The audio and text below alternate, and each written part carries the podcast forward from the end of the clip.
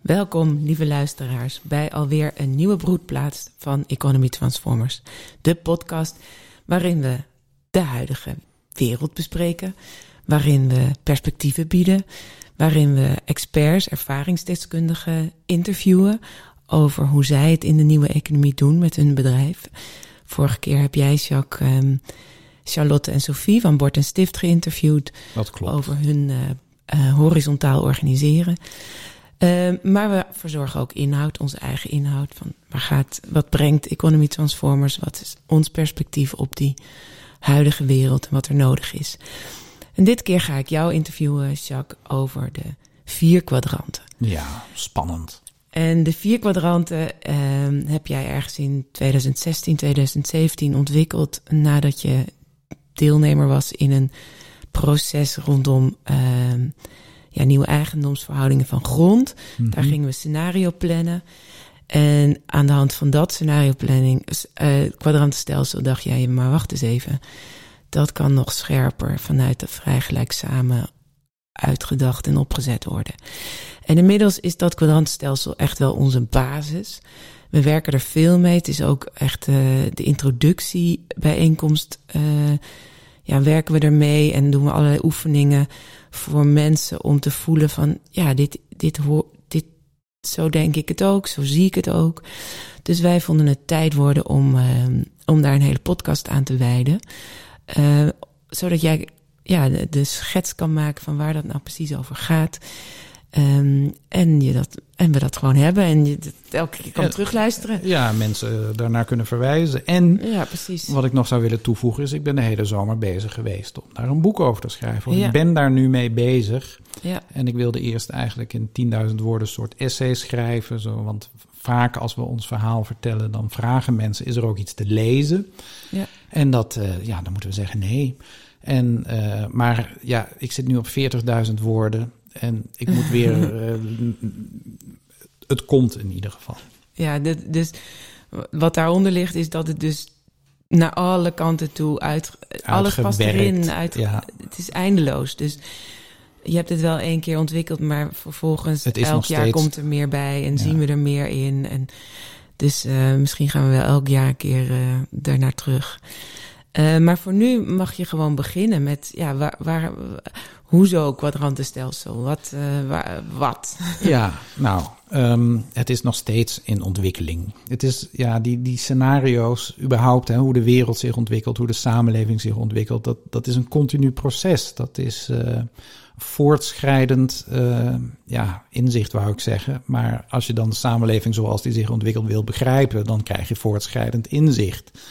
Het zijn ja, scenario's. Vier scenario's. Ik heb destijds deed ik dus mee met jouw learning journey met mensen over eigentijds eigendom van grond. Hè. Hoe kunnen we met grond omgaan?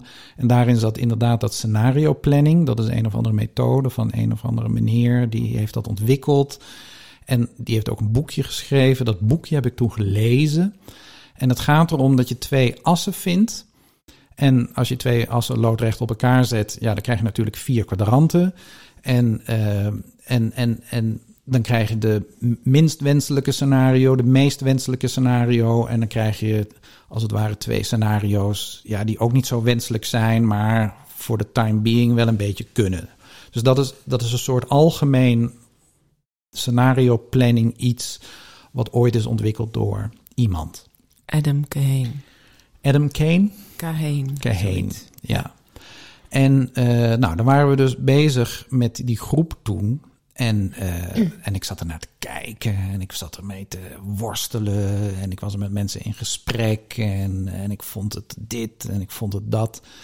En uiteindelijk, ja, ik, ik, ik ben filosofisch ingesteld en ik wil het, ik wil het meest essentiële, oftewel het meest universele, wil ik boven tafel krijgen. Dus welke twee assen gelden altijd? En uiteindelijk kwam ik erop, ook ik bedoel, het is een wisselwerking met de mensen met wie ik in gesprek was. En uh, dus, dus in die zin ontstaat het doordat je erover spreekt. En deze podcast zal ook weer mogelijk maken dat we dat verder ontwikkelen. Maar de twee oerassen, mijns inziens, zijn de ontwikkeling van de mens als individu en de ontwikkeling van de aarde als geheel. En dan met name hoe gemeenschappen op die aarde uh, hun economie organiseren. Dus je hebt een, een, een, individuele as, de as van de individuele ontwikkeling van de mens, van de bewustzijnsontwikkeling van de individuele mens. Mm-hmm. Die doen we altijd horizontaal. Kan ook verticaal, maar wij doen hem horizontaal.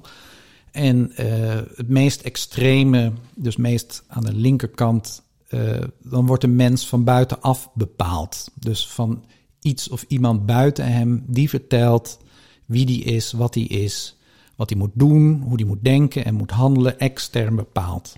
Dus, dus het absolute tegenst, uh, de tegenstelling van vrij, dat is dus aan de andere kant. De mens ontwikkelt zich naar een vrij wezen. Hij wil zich van binnenuit zichzelf bepalen. Hij wil zelf bepalen wat hij denkt en wat hij doet. En hij wil zijn eigen identiteit ook zelf bepalen. Uh, ja, dus dat is de horizontale as, de individuele ontwikkeling. En je kunt als je de geschiedenis van de mensheid gaat uh, bestuderen, ja, dat hele emancipatieproces, dat, dat komt tot een hoogtepunt eigenlijk in deze tijd.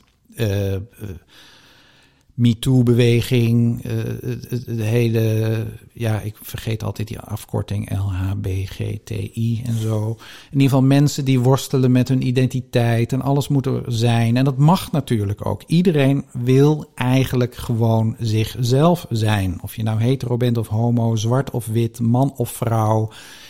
Iedereen van binnenuit eigenlijk zichzelf zijn.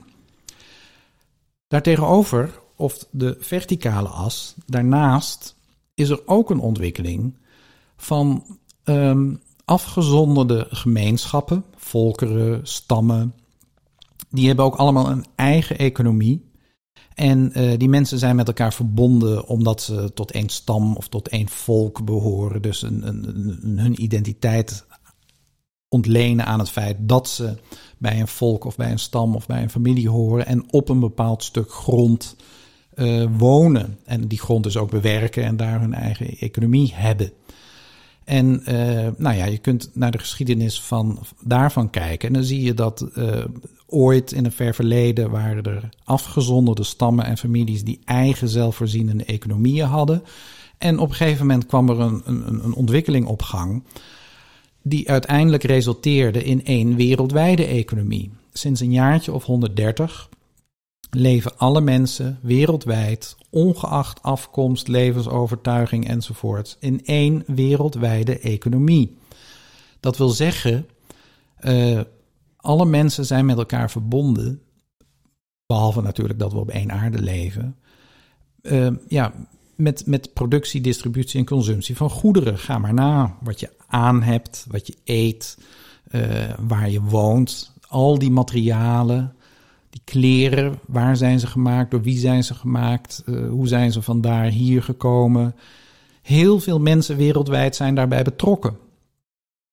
En uh, nou, als je die twee assen dan dus op elkaar legt, de individuele ontwikkeling en de ontwikkeling van de economie, het is ook een soort bewustzijnsontwikkeling, dan, dan zitten we in een situatie waarin we vanuit bewustzijn dat we allemaal deel uitmaken van één werkelijkheid, vanuit één geheel, vanuit één wereldwijde economie, überhaupt moeten gaan denken en handelen.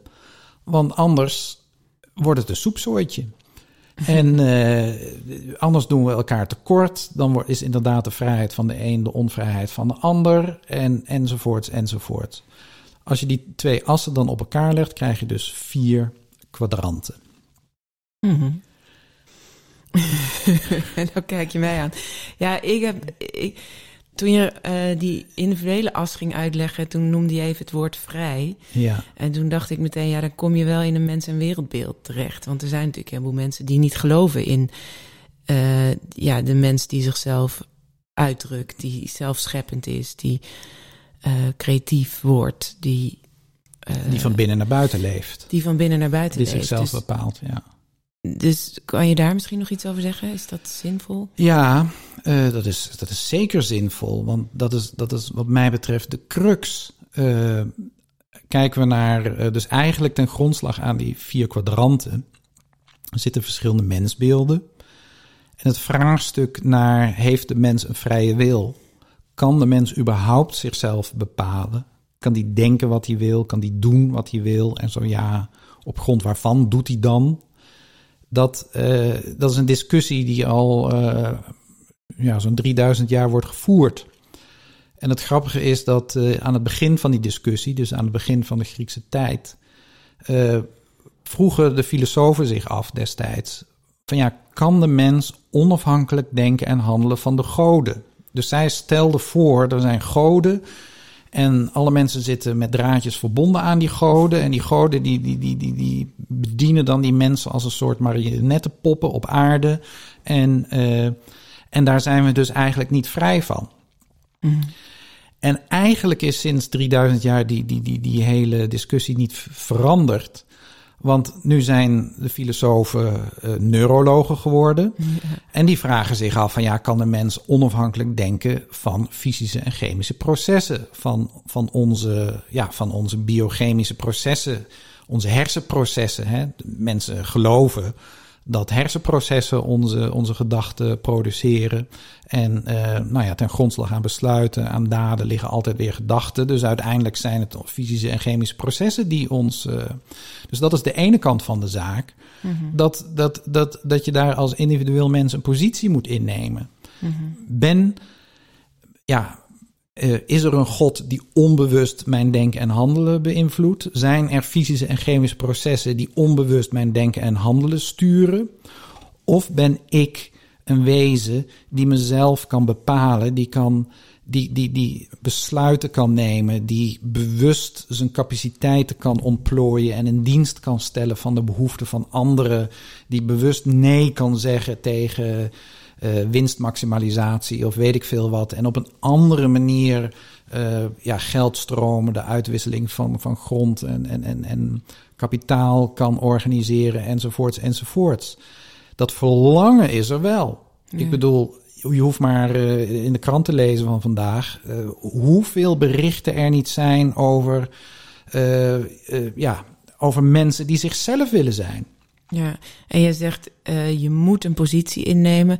Waarschijnlijk zeg je dat omdat als je van binnen een bepaald mens- en wereldbeeld hebt en je bent je daar niet van be bewust, het gaat wel naar buiten toe. Dus je handelen wordt er per definitie door bepaald, ook al ben je er niet bewust van. En, en jij stimuleert eigenlijk hiermee dat je je wel bewust wordt van hoe je eigenlijk uh, denkt en, en ten opzichte van die vrije ja. uh, mens staat om ook het beste uit jezelf te halen en dus beter te handelen. Precies. Ik bedoel, okay. hoe komen we hier nou uit? Ja, eigenlijk is dat misschien uh, aan het einde. Ja, daar komen we nog. Daar komen, daar komen we, nog. nog.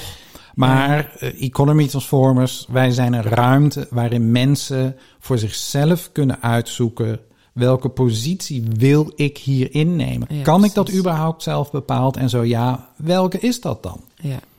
Oké, okay, nou, dus die, die assen zijn volgens mij wel helder. En, en welke scenario's ontstaan er dan? En, en misschien eerst gewoon dat maatschappelijk, hè? Dus welke ja. samenlevingsvormen ontstaan er in die vier kwadranten? Ja, eigenlijk kwamen die kwadranten op, op een punt, of de ontwikkeling van de kwadranten zoals wij die in, in, in, in, in gezamenlijkheid hebben ontwikkeld, kwam op een punt van: oké, okay, en nu kunnen we daar een boek over schrijven. Mm -hmm toen we lazen in, in, in het boek van Bas van Bavel over de opgang en de neergang van markteconomieën. Ja, de onzichtbare hand. De onzichtbare hand. Dat de essentie van een samenleving is de manier waarop we de uitwisseling en de toewijzing van de productiemiddelen, grond, arbeid en kapitaal organiseren.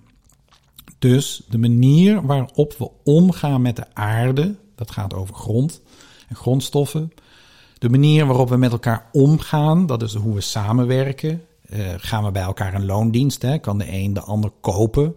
Of uh, zeggen we, hey, gaan we samenwerken aan, aan, aan, aan televisies of aan auto's? En de manier waarop we omgaan met kapitaal.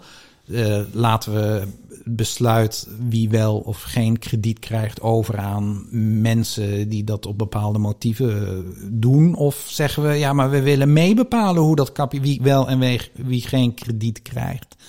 Dat, uh, dat, dat is de essentie van de samenleving. Dus hoe organiseren we de uitwisseling en de toewijzing van grond, arbeid en kapitaal? Dus op het moment dat we dat helder hadden, konden we die scenario's ook echt afmaken. Want in die vier scenario's uh, zijn er eigenlijk vier manieren van organiseren van die uitwisseling en die toewijzing van die productiemiddelen. Mm Nog even los van dat er een heleboel mensen zijn die denken er zijn meer dan drie productiemiddelen en dit en dat. Wat mij betreft zijn de productiemiddelen grond, arbeid en kapitaal.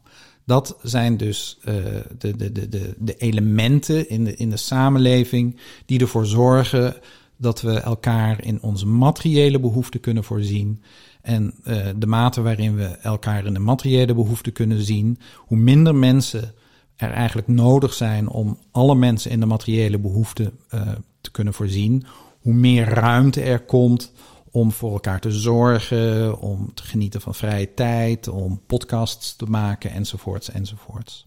Misschien moet je het begrip kapitaal toch nu even uitleggen. Ja, kapitaal. Uh, de, ja, eigenlijk de platte materialistische idee van kapitaal is, is, is dat het geld is. Maar ja, geld is pas 200, 300 jaar oud in de vorm zoals die nu uh, uh, in onze samenleving um, functioneert. Terwijl kapitaal zo oud is als de mensheid. Uh, je kunt heel kort gezegd, natuur of, of de aarde of het leven als, als, als oerproductiemiddel, dat is gegeven.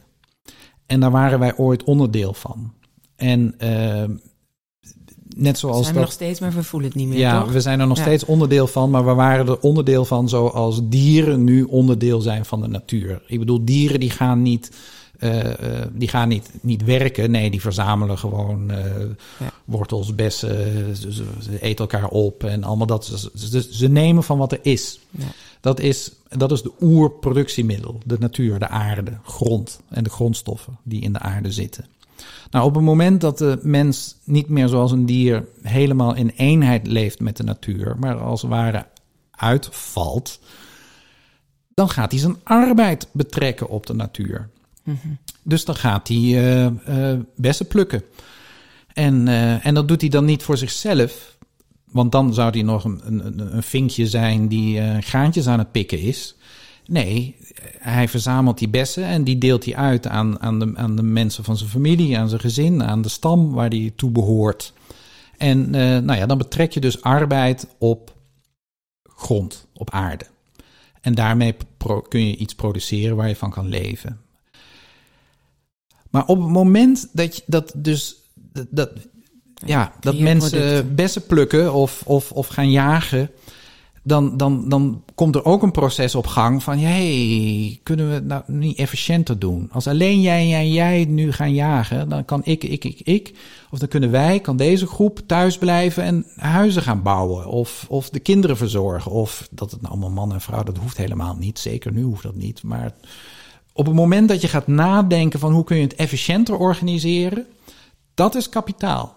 Kapitaal betrek je dan op arbeid. Je gaat door middel van kapitaal ga je de arbeid uh, uh, efficiënter organiseren, waardoor je met minder mensen nog steeds evenveel produceert en waardoor er ruimte komt voor andere mensen om iets anders te gaan doen. En uh, nou ja, dat is, dat, dat is het oer, wat mij betreft, het oerbegrip van kapitaal. Ja, dus een idee. Ja, een, dat is de geest, de ordenende geest. Dat is. en, en nu, ja, eerst had je dan die landbouwrevolutie. Dus mensen gingen de, de, aarde ontginnen en die gingen zaaien en eggen en allemaal dat soort dingen. En oogsten. Dat is natuurlijk ook geest betrekken op de arbeid. Veel efficiënter ervoor zorgen dat er voldoende voedsel is. En dan komt de industriële revolutie. En dat is natuurlijk iets wat van de, van de laatste 200, 300 jaar. En dat is dus ook, dat ging gepaard met de opkomst van het huidige geldsysteem kredietsysteem. Dat is dat de mens ongelooflijk zijn geest ging betrekken op de arbeid. Nog maar 130 jaar geleden moesten we met, z'n, met, met tientallen mensen graan oogsten met zijzen. En dan viel dat en dan moest iemand achteraan lopen en die moest dat dan bij elkaar binden. En dan werd het neergezet en dan moest het drogen en dan moest het weer opgehaald worden. En dan moest het naar schuren gebracht worden en dan moest er gedorst worden. En nou, dat was dus een heel... Uh, ja, dat was een, was een inspannend proces waar veel mensen bij betrokken waren. Nou, op dat moment waren er dus ook mensen, hoe kunnen we dit efficiënter gaan organiseren? Nou, nu doen we het met een combine. Die doet alles in één keer. En ehm, nu hoeven we nog maar met heel weinig mensen, kunnen we tientallen uh, hectares graan oogsten. Maar om zo'n machine te bouwen, ja, moet, moet zo iemand die dat idee heeft, of, of die, die moet krediet krijgen. Die moet het vertrouwen krijgen van de gemeenschap. Om dus dat hij niet voor zijn eten hoeft te zorgen en weet ik veel wat. Nee, dan zeggen ze: jij krijgt van onze vertrouwen dat je die machine gaat maken. En intussen verzorgen we je met eten en, en, en een huis en weet ik veel wat. Dat moeten andere mensen dan doen. Ja. Dat is in zuivere zin krediet. Dus, maar dat is helemaal plat gemaakt. Dat is helemaal omgekeerd. En dat is een van de redenen waarom het allemaal nou zo, zo, zo, zo'n puinhoop is geworden. Dat we geen goed begrip meer hebben van wat, wat grondarbeid en kapitaal is. Ja, dus, dus ik hoor de luisteraar, als je dit zo vertelt, die hoor ik denken: ja, maar wacht eens even, we zijn toch veel te efficiënt geworden die combine als voorbeeld. We willen toch weg van grote tractoren over het land. Die drukt de bodem plat. Dus we hebben, ja, maar, veel te efficiënt geproduceerd inmiddels. We willen juist weer... Dat is een ander vraagstuk, hè? Ja. Want ik moest uitleggen wat kapitaal is. En ik hoop dat ik aan de hand van dit voorbeeld heb uitgelegd... dat kapitaal dus ja, de ordenende geest, het efficiënter makende geest... en in de landbouw... Kijk, in de industrie is het alleen maar fijn als we het steeds efficiënter doen. Waarom zouden we met 100 mensen een auto in elkaar zetten als je dat kan vervangen door 95 robots? Het punt is alleen dat de hoeveelheid geld die er dan vervolgens mee verdiend wordt, dat dat niet in de zakken moet verdwijnen van enkele mensen, maar dat we dat, dat, dat weer verdeeld wordt over alle mensen die een bijdrage hebben gelegd aan het proces. Ja, en, en volgens mij, het hele vernieuwen van de arbeidsrelaties maakt dat je het niet over ruggen van anderen kan uitrollen. Dus je kan wel een idee hebben, maar het moet gewild worden. En nu worden ideeën natuurlijk doorgedrukt. Um, ja, maar dan komen we weer bij die scenario's uit. Dus daarom moeten we eigenlijk eerst vertellen over die scenario's. Dat wou ik, daar wou ik heen. dus ga, ga, ga je gang. ja, dus wat ik al vertelde, vier scenario's. En uh, de manier waarop we die toewijzing en die uitwisseling van grond, arbeid en kapitaal organiseren. Nou, één manier, dat is in het Westen, dat is ook allemaal nog niet zo oud. Hè? Dat is maar 200, 300 jaar oud. En als je ziet hoe dat is ontstaan, dan, dan, dan, dan reizen de haar, bij mij in ieder geval, doet er even niet toe, via de markt. Uh, er is een idee ontstaan dat je grond, arbeid en kapitaal kunt uitwisselen op de markt. Dus door middel van geld. Dat je uh, stukken aarde kunt kopen en verkopen. Maar aarde, dat is door niemand gemaakt. Het is een gegeven. Dus er zit dan ook al een verstrengeling met het juridisch systeem. Want je moet dan een, een, een juridisch systeem organiseren die zegt van ja, stukken aarde zijn van jou en van jou en van jou. En als je dat wil uitwisselen, dan kun je dat kopen. En dan moet het een prijs hebben. En dan moet dus ook een heel geldsysteem komen die voorziet in het geld om die uitwisseling mogelijk te maken. Nou, om, om een lang verhaal kort te maken. Je kunt uh, grondarbeid en kapitaal op een grondarbeid en kapitaalmarkt uitwisselen en toewijzen. Heb je heel veel geld voor nodig. En uh, uh, ja, dat heet vrije markteconomie. Liberalisme als politieke stroom wil zeggen de vrijheid om grond, arbeid en kapitaal uh, op een markt uit te wisselen, ja, te kopen en te verkopen. Ja. Dus als, als, als, als, als in de politiek over vrijheid wordt gesproken, dan moet je iedere keer denken: ja, de vrijheid om te kopen en verkopen, grond, arbeid en kapitaal. Ja. Heeft helemaal niks met vrijheid te maken van ja, maar ik wil mezelf bepalen. Ja, en dit is natuurlijk een scenario wat zich in de wereld heeft, al heeft. In het Westen. In het Westen ja, eh, is dus zichtbaar geworden. Dat is begonnen in, in Engeland in de, in de 16e, 17e eeuw. De stoommachine werd uitgevonden en zo. Alle commons, gemeen, gemene gronden die er toen waren, die werden allemaal door de adel eh, ingepikt. En, uh, en, en, en er kwam een rechtssysteem die zei: Dit is van mij. En konden gehandeld worden in grond. En uh, nou, uh, Karl Marx die leefde in Engeland in de, in, de, in de 19e eeuw. En die zag die enorme industrialisatie. Die zag de uitbuiting van de arbeiders. Die zag hoe mensen die het kapitaal in handen hadden in de vorm van geld en macht. Die zag hoe die arbeiders werden uitgebuit. En die, die dacht van ja, het moet anders. En nou, hij schreef een dik boek, Het Kapitaal. En hij zei van ja, we moeten het niet via de markt uitwisselen en toewijzen. Nee, we moeten het door de staat laten doen.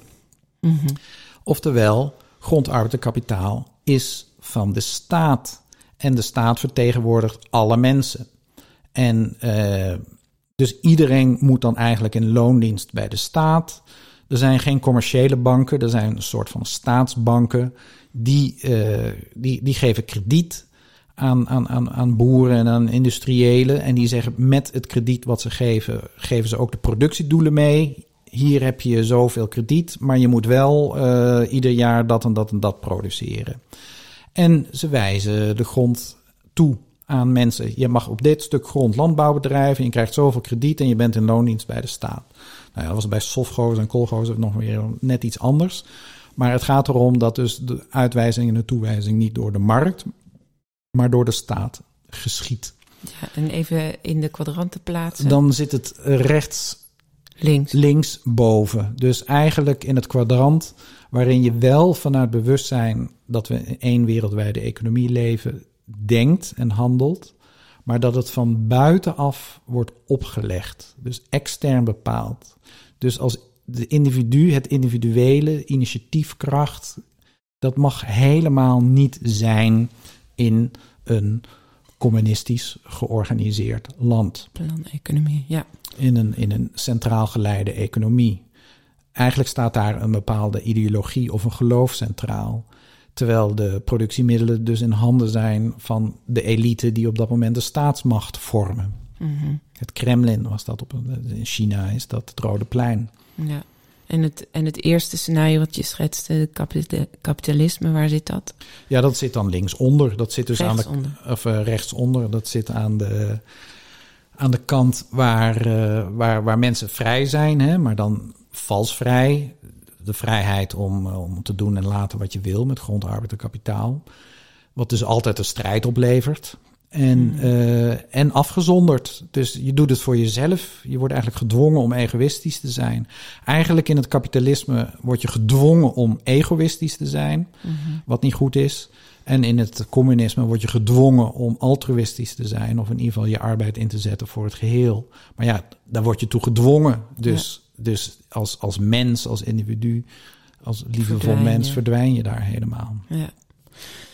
Volgens mij is dat helder. En het, en het derde scenario? Ja, uh, sinds de val van de muur in 1989, uh, um, eigenlijk al eerder, maar Europa was, was, was in de loop van de 20e eeuw verdeeld in een, in een deel wat georiënteerd was op Amerika dus op vrije markteconomie, en een deel wat georiënteerd was op de mhm. Sovjet-Unie, oftewel mhm. centraal geleide economie. Nou, in 1989 viel de muur. En uh, toen kwam Europa als het ware vrij, als een, als een soort midden. Mm -hmm. En uh, nou ja, in Europa zit er letterlijk tussen de, de, de US en de SU in. Mm -hmm. In de zin dat ze zien dat de rauwe handel, de rauwe, het, eigenlijk het rauwe gevecht om grond, arbeid en kapitaal, de rauwe strijd, de concurrentiestrijd, dat dat, het, dat dat winnaars en verliezers oplevert. Dat dat heel veel slachtoffers en niet alleen van mensen die worden uitgebuit, maar ook de aarde zelf die wordt uitgeput. Dat dat gebeurt. Dus enerzijds zien Europeanen dat. En tegelijkertijd, uh, uh, ja, het communisme komt vrij, dus denken vanuit het geheel. Uh, dat, dat is eigenlijk gaan versmelten. Dus ja, en daar de negatieve ja, ja, Dus, dus eigenlijk het, het, slechtste van ja. beide, dat wordt een nieuw scenario. Namelijk uh, van bovenaf, extern bepaald, worden er allerlei regels opgelegd, allerlei scenario's worden er... Uh, nou ja, Balkenen, die zegt, hè, de mensen moeten normen en waarden, wordt van bovenaf opgelegd. Waarom? Ja, omdat we niet rauw kapitalistisch zijn. Terwijl, uh, maar daar ga ik nou maar niet in in, hoe, hoe juist bij die CDA's uh, dat rauwe kapitalisme zo erin zit ook. Hè. Bijvoorbeeld van de onderwijs.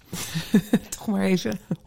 Onderwijs is enerzijds, uh, ja, waartoe dient het onderwijs in het Westen? Om je arbeidsmarktwaarde te maximaliseren. Dat je jezelf zo duur mogelijk kunt verkopen op de arbeidsmarkt door zo'n hoog mogelijk diploma te halen. gelijke kansen op die arbeidsmarkt. Gelijke kansen op de arbeidsmarkt. En tegelijkertijd wordt dus de, de, de doelen, de leerdoelen en de leermethodes wordt door de staat van buitenaf opgelegd. En omdat dat opgelegd wordt, uh, ja, heb je dus allemaal dezelfde boeken. En uh, nou ja, een CDA is dus een groot uh, uitgever van, van, van, van onderwijsboeken. En die heeft het zo geregeld dat hij het monopolie heeft op het uitgeven van die onderwijsboeken. Dus alle leerlingen in heel Nederland die de lesmethodes moeten volgen die door de staat zijn opgelegd, die moeten dan dus die boeken kopen. En, en uh, ja, bij Van Dijk. En Van Dijk heeft, er is daar multi, multi, multimiljonair aan geworden.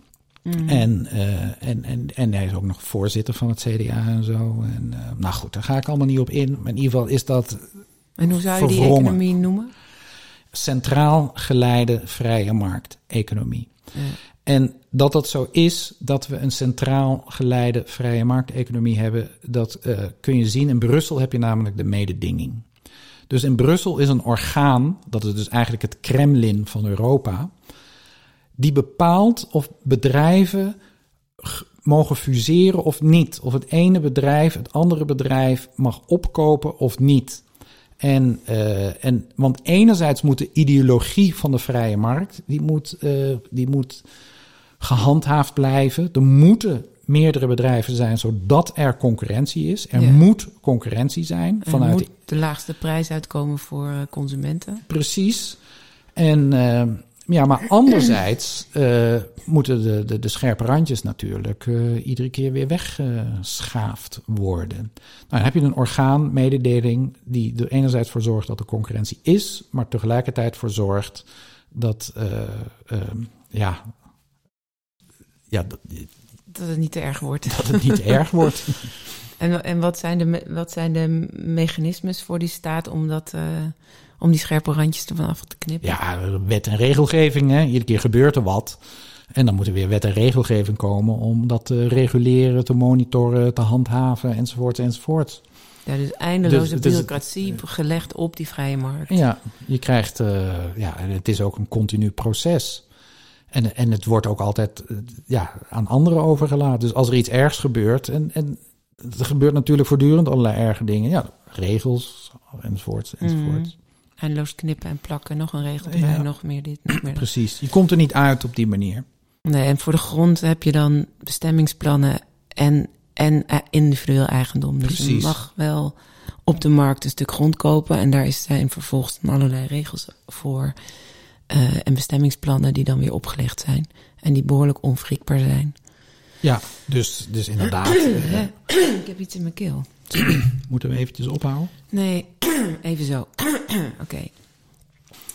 Ja, dus met grond is het ook duidelijk. Enerzijds kan grond vrij verhandeld worden, maar anderzijds wordt de bestemming van die grond bepaald door de staat. en er kan op gespeculeerd worden. Ja. Want je koopt natuurlijk dan grond vrij goedkoop als landbouwgrond. En dan wacht je totdat het bouwgrond is geworden. En dan in je een hoop geld. Ja, precies. hey, en um, daar zitten we nu in, hè? Ja, dat zijn de drie scenario's. Ja. Wij in Europa zitten daarin, het Ja, maar de hele wereld. De, de, eind jaren negentig had je op een gegeven moment een, een, een, had je Kok, was toen onze premier, samen met Clinton en, uh, hoe heet hij ook alweer in Engeland die er toen was? Uh, die waren samen en die hadden toen uh, de New Green Deal. Die hadden dan kapitalisme met een groen randje. Dus, dus dat centraal geleide vrijmarkteconomie, dat wordt eigenlijk door de hele wereld nu overgenomen. Mm ja, dus China wordt meer vrije markt en Amerika wordt, meer, staat. Precies. En, en wij blijven er nog vrolijk uh, En wij zitten, zitten. daartussenin. Ja. ja. En dan is er nog één uh, kwadrant over. Ja. Wat gebeurt daar? Er is één kwadrant over. Rechtsboven. Dat is de kwadrant waarin we enerzijds als mensen elkaar de ruimte geven om jezelf te zijn, maar dan ook echt. Mm en, uh, en anderzijds dat we denken, handelen, een economie organiseren, de uitwisseling van grond, arbeid en kapitaal organiseren. Vanuit bewustzijn dat we deel uitmaken van één werkelijkheid, van één wereldwijde economie. En dat het betrekken van de onderlinge regelen, het, het, het, het regelen van de onderlinge, onderlinge betrekkingen, dat dat iets is wat we van binnenuit moeten doen. En niet van buitenaf elkaar moeten opleggen. Dat, dat vereist natuurlijk een mensbeeld waarin je vertrouwen put uit jezelf. Waarin, je, waarin ruimte is voor de mens, voor vrije wil. Waarin ruimte is voor. Ja, waarin je dus met respect voor het mens zijn uh, met elkaar omgaat. En natuurlijk ook met respect voor de aarde. En uh, daar, als, je, als je gewone, gezonde mensen vraagt van waar verlang je naar, dan verlang je daarnaar. Mm. Dus je hebt in andere scenario's kunnen mensen verlangen naar snel veel geld verdienen, of naar een machtpositie of status of weet ik veel wat. Maar als je diep in de harten van de mensen kijkt, ze verlangen naar een scenario waarin we gewoon ja, samenlevingen creëren waarin de mens mag zijn en waarin we in elkaars materiële behoeften voorzien. En, uh, en dat we van binnenuit afspraken maken, onderlinge betrekkingen regelen. Ja, en als ze niet meer werken, dan laat je dat weer los en dan verzin je betere afspraken. Ja, dus grond, arbeid en kapitaal zijn van wie? Dan zijn grond, arbeid en kapitaal commons. Die zijn van zichzelf eigenlijk. Mm Ze worden niet door de staat uh, uitgewisseld en toegewezen. Ze worden ook niet op een markt uitgewisseld. Dat betekent dus ook dat we veel minder geld nodig hebben. Hè? Want we hoeven dan geen geld te hebben. Er zijn dus ook banken krijgen een hele andere functie. We hebben geen geld meer nodig om de koop en verkoop van grond en kapitaal mogelijk te maken.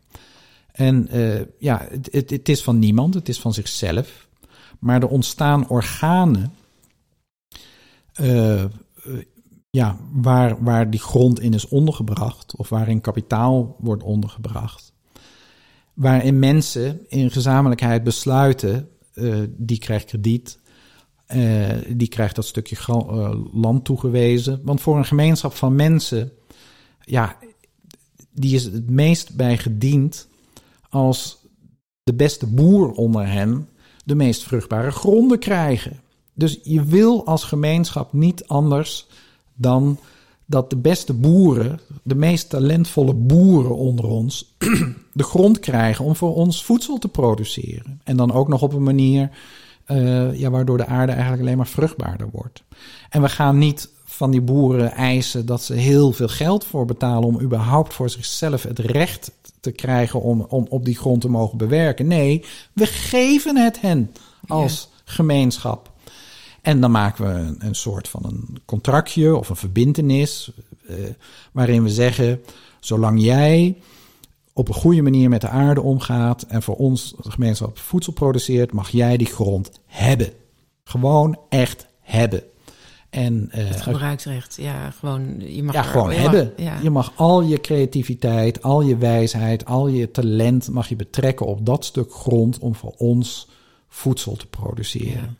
En op het moment dat je dan met pensioen gaat, of op het moment dat je te oud wordt, of op het moment dat je het over wil dragen. Het kan ook zijn dat die boer op een gegeven moment denkt van ja, nu wil ik toch wel ICT-deskundige worden. Op dat moment, dan geeft hij dat weer terug aan de gemeenschap of eigenlijk aan dat orgaan die namens de gemeenschap de grond beheert. En, uh, en dan wordt het weer toegewezen aan iemand anders. Die, er zijn altijd weer nieuwe talenten die nog beter kunnen landbouwen, aan wie je het kunt toewijzen. En uh, dus op die manier vindt dan de uitwisseling eigenlijk van grond plaats. En je hebt dan eigenlijk drie vormen van eigendom. Je moet een heel nieuw ander uh, ja, rechtssysteem gaan ontwikkelen. Ja. Nieuwe eigendomsbegrippen ontwikkelen. En die uitwisseling en die toewijzing, die moet dan dus georganiseerd worden, maar wel door de mensen onderling, in onderling overleg. En, en het is een kwestie van elkaar waarnemen, meeleven met elkaar en op een gegeven moment zien van nu wil dat talent uh, ja, zich ontvouwen. En ook een gemeenschap van mensen die wil niets liever dat de talenten zich kunnen ontvouwen. Dus je geeft krediet aan zo iemand als die een geniaal idee heeft om een bepaalde machine te bouwen of, of iets te doen, waardoor, uh, ja, waardoor arbeid efficiënter wordt georganiseerd. Want op het moment dat arbeid efficiënter wordt georganiseerd, is er meer tijd om voor elkaar te zorgen, om samen wandelingen te maken, om wetenschap te bedrijven, om iets kunstzinnigs te doen, enzovoorts, enzovoorts. Ja, dus, eh, dus als mensen dit scenario horen, dan gaan er allemaal stemmetjes op. Hè, van, uh, ja. Um, een van die stemmetjes is, um, maar ehm, de staat is toch de, de, de grondarbeidkapitaal. ehm ehm, Ja. de, de, de, wordt toch, de staat is toch, wij zijn toch de staat, wordt dan gezegd. Ja, het punt is dat de huidige staat, dus de huidige overheid, eh, ja, dat is ook Dus een is het strijd. Ja. dat is ook een strijd. Er zijn, er zijn eigenlijk is het parlement, parlement, dus een, een ruimte waarin wordt gepraat, hè, parlement. Dat is een strijd van verschillende mensbeelden en ideologieën. En degene die dan de meeste stemmen krijgt, mag een tijdje lang zijn ideologieën, zijn voorstelling van zaken. Maar de essentie, Ja. de essentie namelijk hoe wordt grondarbeid en kapitaal eh, uitgewisseld en toegewezen, daar gaat het nooit over. Nee, sterker nog, ze zijn onderdeel van de markt. Ja, ze zijn onderdeel. Ze proberen hun begrotingen eh, op orde te krijgen, de balans in evenwicht te krijgen door grond ook te gaan verkopen en zo. Ja.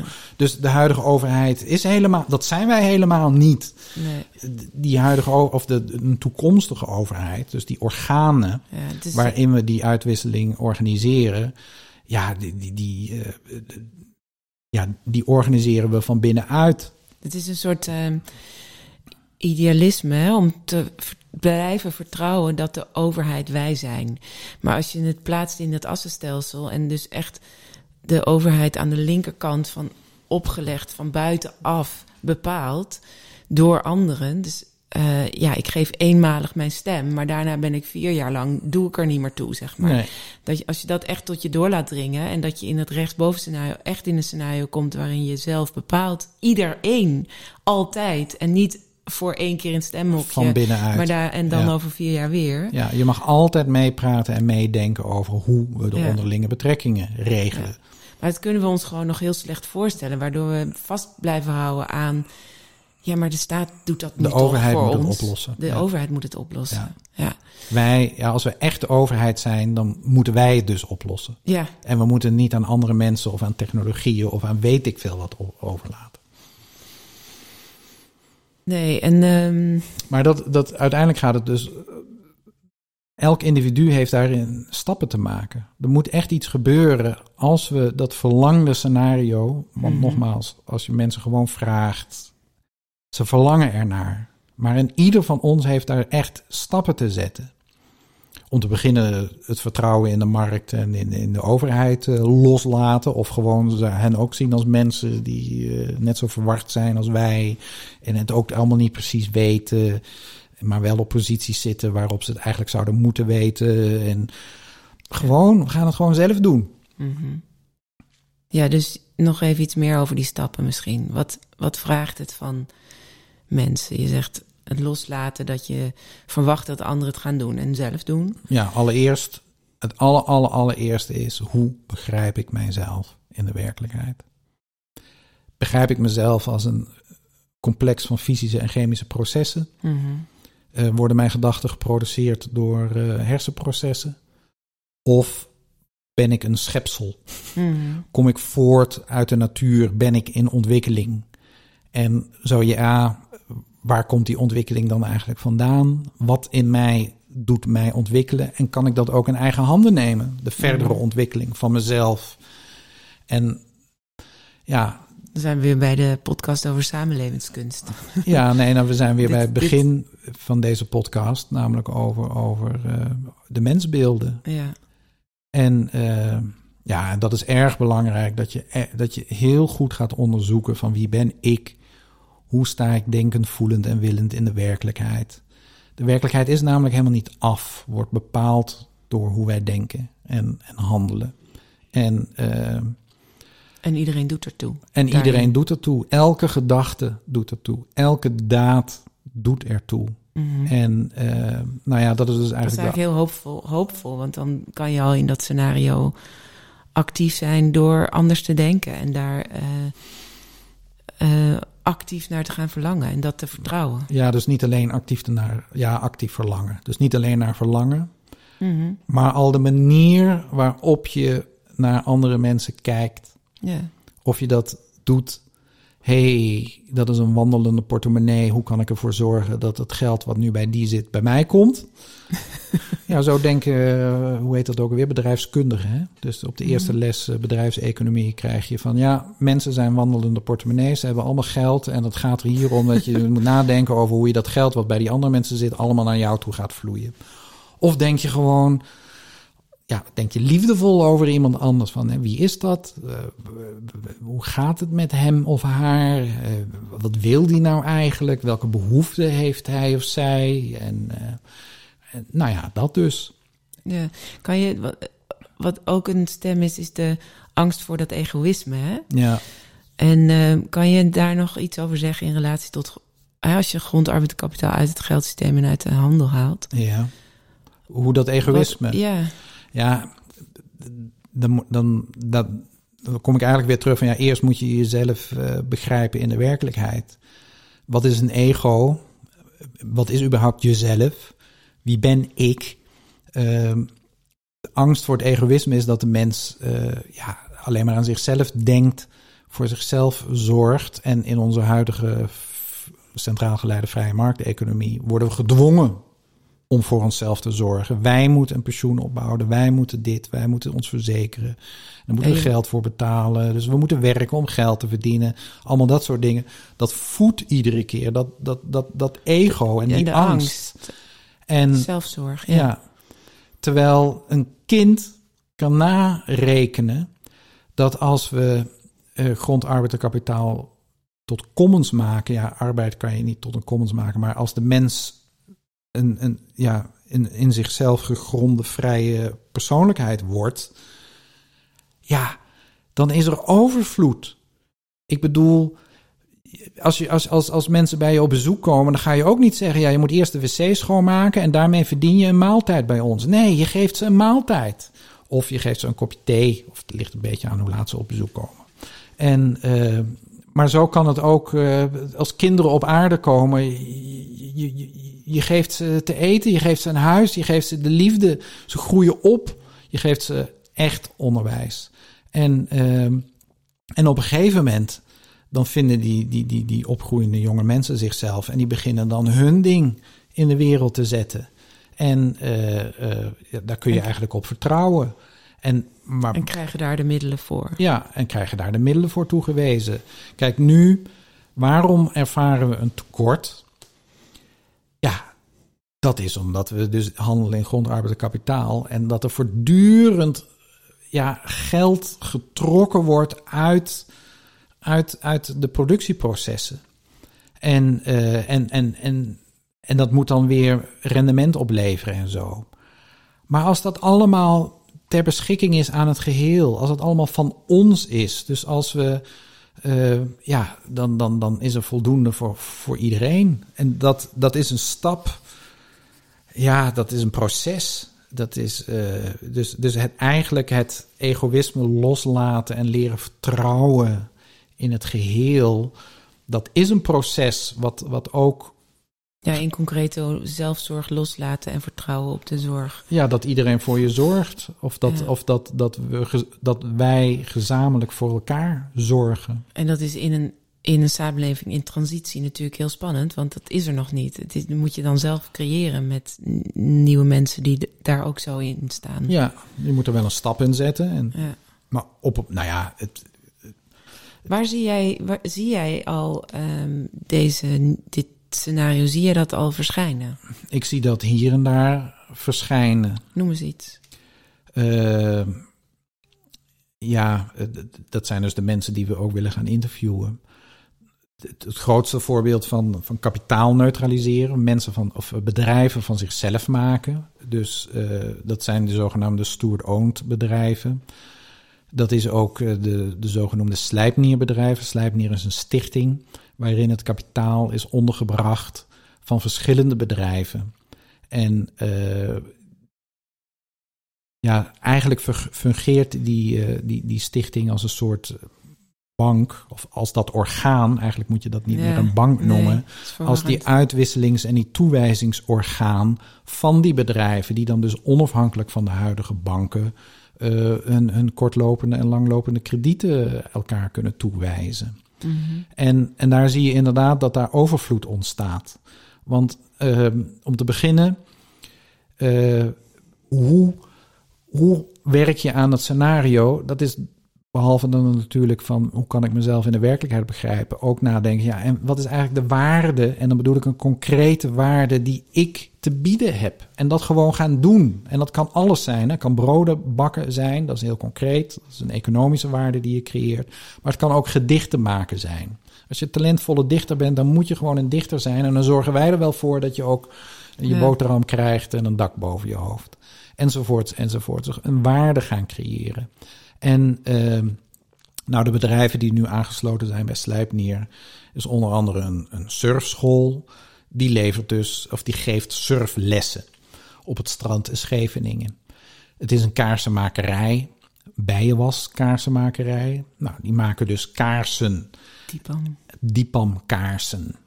Uh, het is uh, de Boomhuttenclub. Dat is een, een café in het centrum van Den Haag. Waarin niet kinderen centraal staan, maar de ouders van kleine kinderen. Dus je kunt er als ouder van kleine kinderen naartoe met je kleine kinderen. En die kleine kinderen die kunnen dan lekker spelen in de boomhuttenclub. En, als, en de ouder staat dan juist centraal, die dan eventjes bij zichzelf kan zijn en, en, en, en koffie kan drinken of, of een lunchje. En, uh, en ik weet van de, van, de, van de ondernemer in de boomhuttenclub dat hij ook uh, momenten wil gaan organiseren waar ouders met hun opvoedingsvragen kunnen ja, die kunnen mhm. gaan stellen aan deskundigen.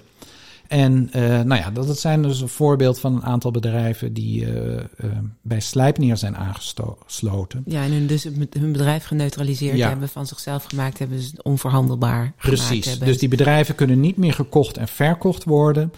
En nee. die bedrijven die kunnen zich ontwikkelen dus zij hebben ook een pensioenidee. van binnenuit. En de mensen die dat doen, die ondernemers, die gaan dus, dus ook niet meer ondernemen om hun vermogen te maximaliseren of om winst te maximaliseren. Nee, die ondernemen vanuit, ja, omdat ze die waarde, vanuit liefde voor het creëren van die waarde, omdat ze dat zo, dat, dat willen ze geven.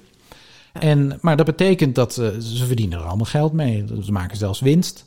En uh, dus die, die, die, uh, en hoe, ja, hoe meer je vanuit liefde handelt voor het creëren van die waarde, hoe meer winst je ook gaat maken. Ja. Mensen voelen dat. Die voelen daar dankbaarheid voor. Die willen daarvoor betalen. Dus ja, het gaat stromen. Het gaat gewoon stromen. Ja. Maar dat betekent dus dat, uh, net zoals in het kapitalisme, waarbij kapitaal accumuleert bij individuele eigenaren, hoopt het kapitaal zich als het ware op in die stichting. Maar het kapitaal is van niemand of dat is van iedereen. En de mensen, die, die ondernemers van die verschillende bedrijven, kunnen dan bepalen: ja, wat gaan we nu doen daarmee? Nou, daar kun je nieuwe bedrijfjes mee financieren. Je kunt impulsen in de bestaande bedrijfjes mee financieren. Uh, de verschillende ondernemers leven ook met elkaar mee. In de zin dat ze elkaars balansen kennen, elkaars winst-verliesrekeningen meedenken. En uh, nou, bijvoorbeeld dan weer van dat Dipam gebeuren. Uh, die verkopen natuurlijk de meeste kaarsen in december kersttijd, de donkere tijd. En dat betekent dat ze veel geld op de rekening hebben staan in januari. Maar in januari is de surfschool, die kan nauwelijks uh, lessen, want het is koud en uh, wie gaat er nou surfen in januari of in februari? Dus die krijgen dan van, uh, vanuit de kapitaalstichting, dus niet van Dipam, vanuit de kapitaalstichting een kortlopende lening om in ieder geval die winter door te komen. Omgekeerd is het zo dat in de zomer natuurlijk heel veel surflessen worden gegeven. Dus in augustus, september hebben zij weer heel veel geld op de rekening staan. En dat is nou precies het moment waarop Dipam bijenwas nodig heeft om de nieuwe kaarsen te maken voor december. Dus dan gaat het, stroomt dat geld weer naar Dipam toe om bijenwas in te kopen, zodat daar kaarsen van gemaakt ja, kunnen worden. Ja, dat is heel bijzonder. En daar zie je dus al die gemeenschappen ontstaan die ja. voor elkaar zorgen en uh, vanuit liefde handelen. Um, maar we gaan, want je gaat we, we gaan zeker Slijpnier nog een keer als uh, we gaan ja. ervaringsdeskundige uitnodigen voor een podcast en daar dieper op in van hoe dat nou precies werkt. Ja, er zijn al maar een nu, aantal um, gesprekken. Hè? Dus ook op onze website staan al gesprekken met Slijpnier ondernemers. Ondernemers, ja precies. Ja. Maar nog eventjes van wat, waar zie jij het allemaal al een beetje aan de horizon gloren, zeg maar, dit, uh, dit scenario? Want het is natuurlijk niet het kan niet opgelegd, uitgerold, uh, opgeschaald. Uh, want het moet allemaal door mensen. Het moet allemaal door mensen. Worden. Dus de andere impuls is natuurlijk die hele CSA's, die Community Supported Agriculture. Dus boeren, tuinders, die, die, die een stuk grond op een stuk grond voedsel produceren voor een gemeenschap en die gemeenschap daar direct bij betrekken. En, uh, en daar zie je processen. Als Economy Transformers begeleiden we ook die processen. Dat, dat de mensen die genieten van het voedsel wat van dat grond afkomt, dat ze eigenlijk mede-eigenaar zouden moeten worden van die grond waarop dat gebeurt. Zodat de, de, de rente- en aflossingslasten die er nu nog op zitten, niet een probleem is van de boer, maar van de gemeenschap als geheel. En, en überhaupt dat er, de, waarom is er nu een tekort aan schaarste? Waarom zijn die prijzen zo hoog? Ja, omdat, omdat uh, de boeren steeds grotere leningen moeten aangaan om überhaupt die grond te kunnen. Maar dat wordt natuurlijk doorgerekend in de prijzen van, van, van de producten die ervan afkomen. Dus als gemeenschap, als je realiseert van. Hé, hey, maar dat is eigenlijk ons probleem. Dat is niet het probleem van de boer. Laten wij voor die boer een stuk grond vrijkopen. Laten we dat onderbrengen in een, in een stichting of in een, in, een, in een rechts- of in een orgaan dan weer waarin, uh, waarin we dat van zichzelf maken. Ja, dan worden de producten ook goedkoper op termijn. Hè? Want op dit moment zijn de lasten nog zo hoog dat uh, uiteindelijk als al die grond uit dat geldsysteem is gehaald, dan dalen de prijzen, ik denk met drie kwart. Dan is er eigenlijk alleen nog maar geld nodig voor de uitwisseling van concrete economische waarden. Ja. Uh, Daar zie ik het dus ook. Daar zie je het, het ook. Proces. Hè? Er zijn allemaal, nou ja, er zijn, ja, dus zowel op grond zijn initiatieven om grond uit de handel, uit het geldsysteem te halen, vrij te maken en an, op een andere manier toe te wijzen. Ja. Stichting Grond van Bestaan moet ik even noemen in deze context en community land trusts. Bij kapitaal heb je net uitgebreid verteld en arbeid is natuurlijk die hele zelforganiserende ja. teams, organisaties. Daar zie je het ook. We hebben Daar zie je het ook. De vorige keer ja. hebben we Bord en Stift, die hebben zichzelf horizontaal georganiseerd. En dat is eigenlijk, het is van de zotte dat, je, dat mensen bij elkaar een loondienst zijn. Hoewel heel veel mensen dat niet zo ervaren. Die zijn graag een loondienst, want het geeft een zeker inkomen en je pensioen wordt opgebouwd en weet ik veel wat. Maar je geeft ook je soevereiniteit op, je, je zelfbepaaldheid. Want uh, je moet doen wat de baas zegt. Anders krijg je je geld niet. Maar er zijn heel veel impulsen waarin mensen dat zien en op basis van gelijkwaardigheid met elkaar willen samenwerken. Ja, ook, ook al zitten ze in loondienst, komt er nog een laagje bovenop waarin ze dat dan proberen voor. Ja, nou ja, dat, wel dat, mooi. dat moet weer even uitgelegd worden. Maar in ieder geval dat je op basis van gelijkwaardigheid samenwerkt, op basis van de gemeenschappelijke intentie. Hey, en, en nog een andere, wat ik vaak hoor, is, ja, maar we doen dat toch al? Want je hebt toch, uh, of tenminste, je hebt toch allemaal stichtingen waar grond zit, bijvoorbeeld Stichting IJsseland of kerken hebben heel veel grond. En is dat dan een goed voorbeeld van rechtsboven? Uh, om te beginnen zijn we bijna een uur bezig. Ja, we gaan de richting op. En uh, eigenlijk houdt dat juist die oude structuren in stand. Ik ben wel eens ik heb wel eens gesprekken gevoerd met zo'n hele oude rechtsvorm. Mm-hmm. Uit de middeleeuw stammende rechtsvorm. Waarin inderdaad grond is ondergebracht.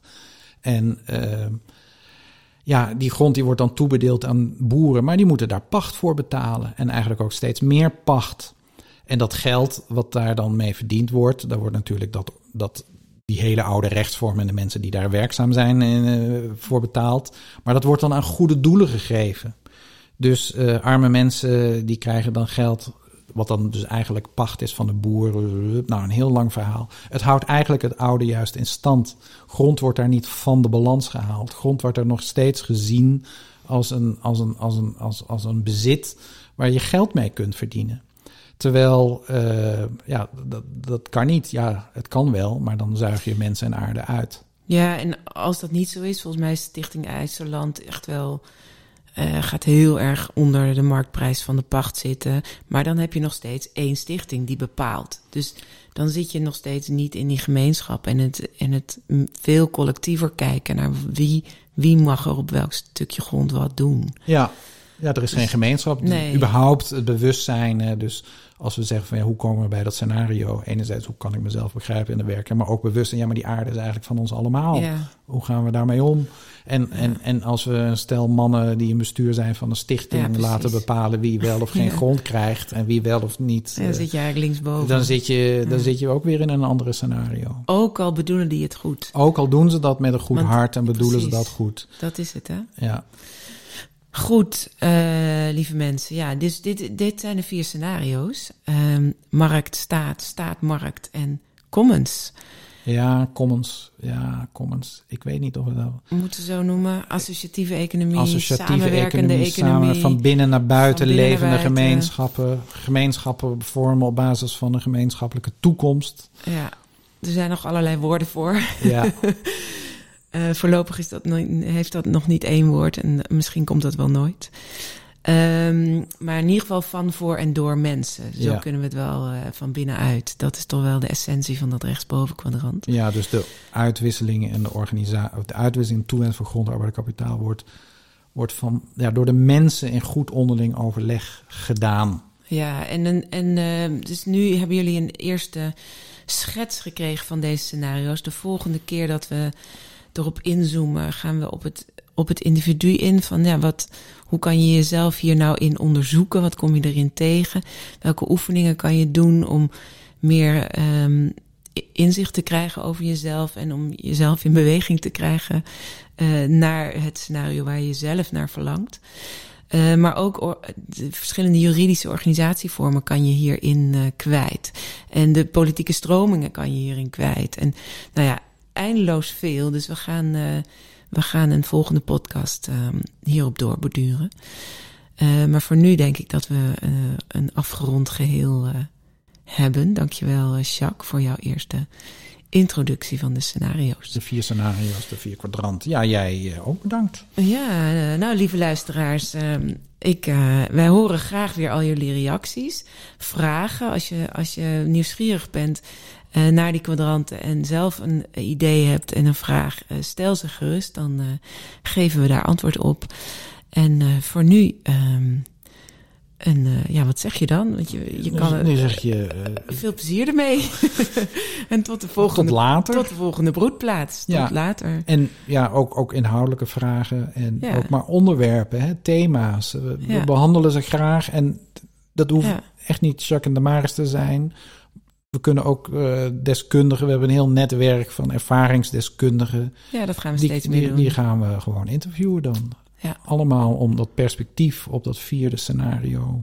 Ja, om dat leven te krijgen. Om dat leven te krijgen, helder te krijgen. En steeds meer mensen ja, die, daarin vertrouwd te maken eigenlijk. Hè? En dat het echt kan. Dat we als mens ja, op een menswaardige manier, op een aardewaardige manier, een samenleving kunnen creëren. Ja, dus misschien nog ter afronding, het mogen duidelijk zijn dat wij dus richting het rechtsboven kwadrant uh, werken. Ja, dat is het wenselijke scenario. Dat het voor ons echt het, het nastrevenswaardige scenario is, waarin je en helemaal jezelf kan zijn en voor het geheel zorgt en voor iedereen op Ja. die ene aarde, Precies. in die ene wereldwijde economie. In liefde en vertrouwen. Ja. Nou, lieve mensen, we gaan een punt zetten. Tot de volgende keer. Dag. Dag, dag.